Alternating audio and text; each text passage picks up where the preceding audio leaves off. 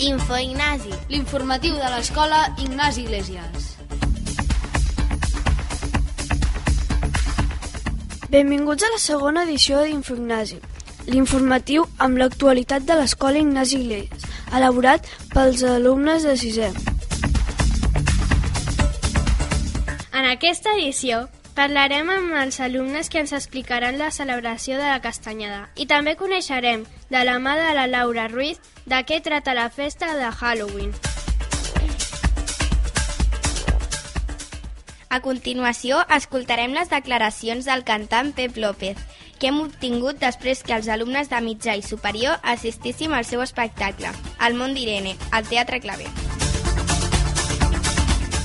I per acabar, us explicarem com vam celebrar aquest any la Diada de la Poesia a l'escola. Comencem!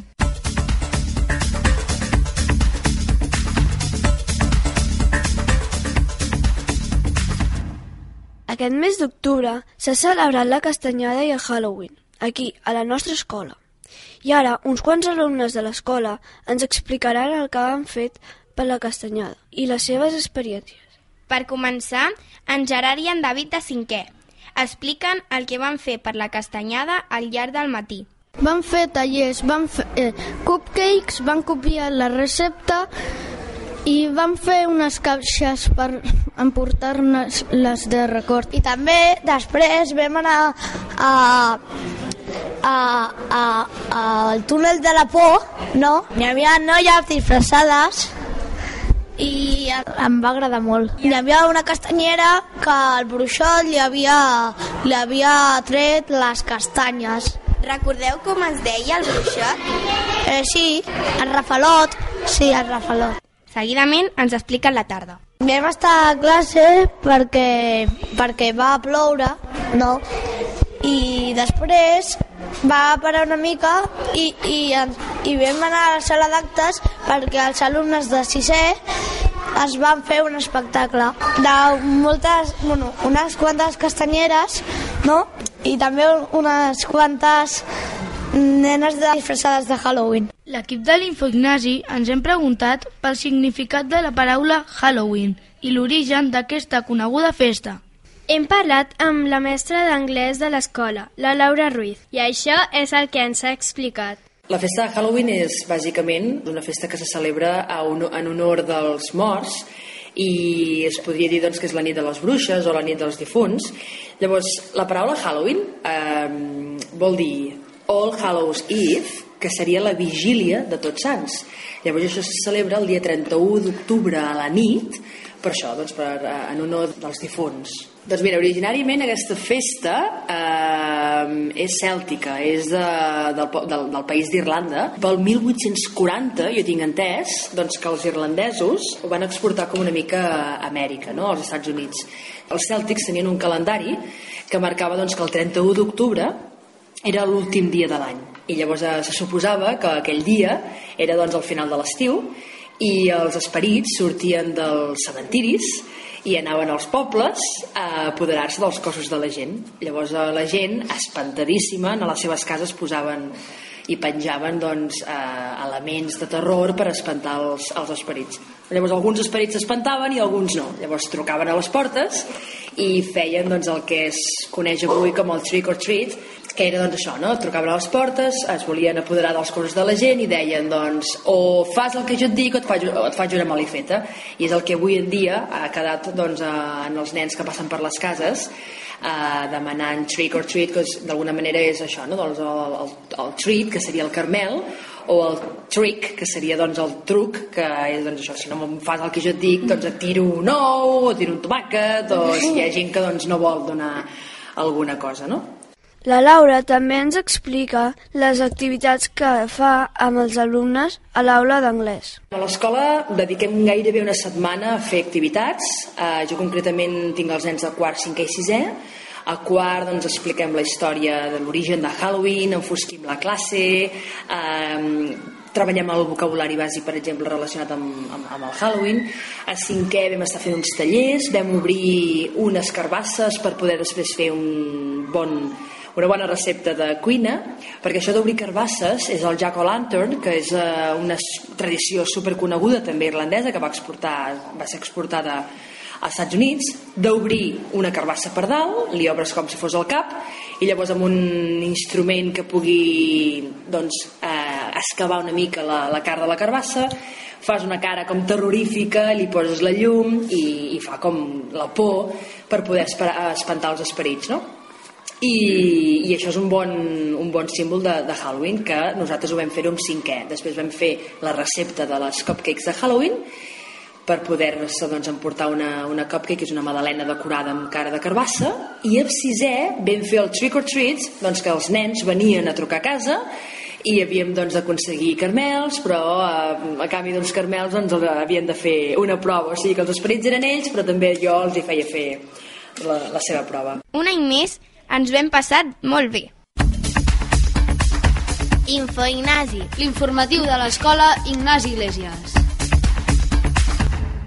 A finals d'octubre, els alumnes de cicle mitjà i cicle superior van anar al Teatre Clavé a veure i escoltar l'espectacle El món d'Irene. La Iria, la Xamara, en Joan i l'Àlex ens expliquen què els ha semblat. Sí, m'ha agradat molt. Quina és la cançó que t'ha cridat més l'atenció? La que ha cantat dels Pirates. M'ha agradat molt. Quin instrument t'ha semblat més diferent? El Cristel Baixet. Bé, m'ha agradat. Quina és la cançó que més t'ha agradat? La de les princeses es casen amb les princeses. Quin instrument t'ha agradat més? El bluduc. Bé. Quin instrument t'ha agradat més?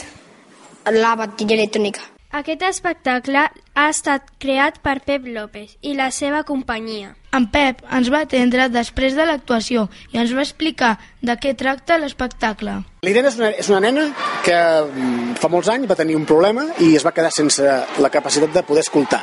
Sí. Però ja sabeu que escoltar i sentir són dues coses totalment diferents. Aleshores, escoltar, podem escoltar-ho tots, però sentir no tothom és capaç de sentir. I l'Irene és especialista en sentir coses. Sentir tristor, sentir alegria, sentir amor, sentir moltes coses. I el món d'Irene és això, és una manera d'explicar de, que hi ha moltes maneres de sentir. Pep López també ens explica on s'ha fet l'espectacle. El món d'Irene s'ha fet pràcticament per tota Catalunya, també s'ha fet molt a Sud-amèrica cap a Colòmbia, Mèxic, a Uruguai, llocs així. Allà, allà evidentment el fem en castellà, ho fem perquè tothom tingui eh, l'oportunitat d'entendre les lletres de seguida sense problemes. I ara la intenció també és fer-lo per tot l'estat espanyol, suposo que serà a partir de l'any que ve. Els alumnes de 5è i 6è van fer una investigació sobre la biografia d'en Pep López i no vam trobar la seva edat.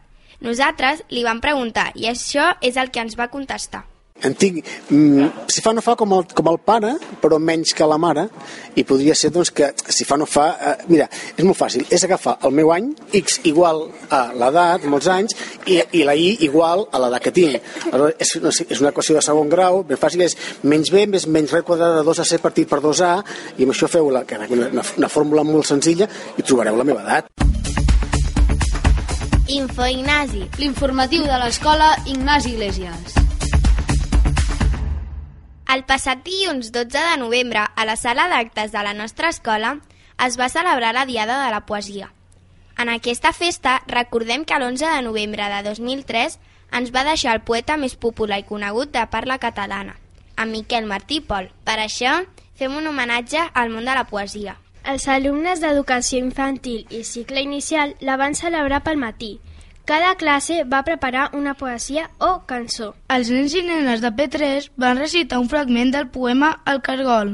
Els alumnes de P4, La tardor, uns rodolins fets per ells mateixos i els nens i nenes de P5 amb la cançó La Marina de l'escriptora Olga Xirinacs. Els alumnes de primer van recitar el poema El gat i per acabar la jornada del matí, els alumnes de segon van recitar i cantar la cançó de la tardor. A la tarda, els alumnes de tercer ens van interpretar la versió en vers del conte El rei que tenia el nas vermell.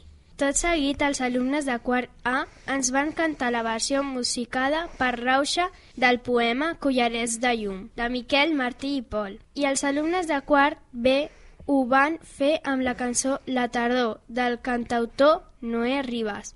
A continuació, els alumnes de 5è A van recitar País Petit de Lluís Llach i ens van mostrar el, el muntatge audiovisual que van fer de la cançó versionada per Manu Guix. Els nens i nenes de 5è B van inventar-se corrandes relacionades amb la sortida de Sant Pons. Per últim, nosaltres, els alumnes de sisè, vam recitar els nostres propis limerics, una forma poètica creada a Irlanda però molt popularitzada a Anglaterra.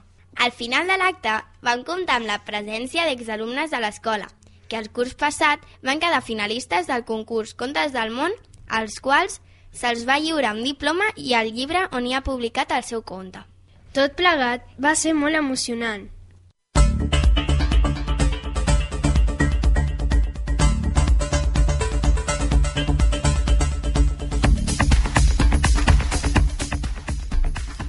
Fins aquí la segona edició d'Infoignasi, l'informatiu amb l'actualitat de l'Escola Ignasi Iglesias, elaborat pels alumnes de sisè.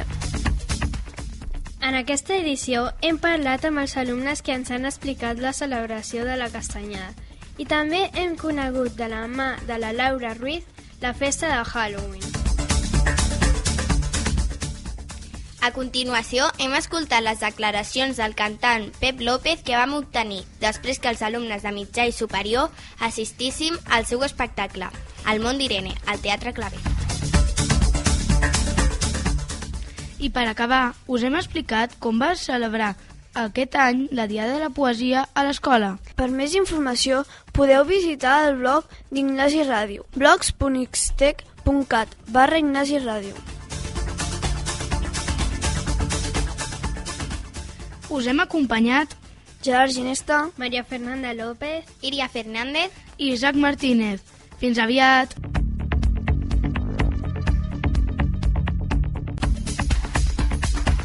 Info Ignasi. L'informatiu de l'escola Ignasi Iglesias.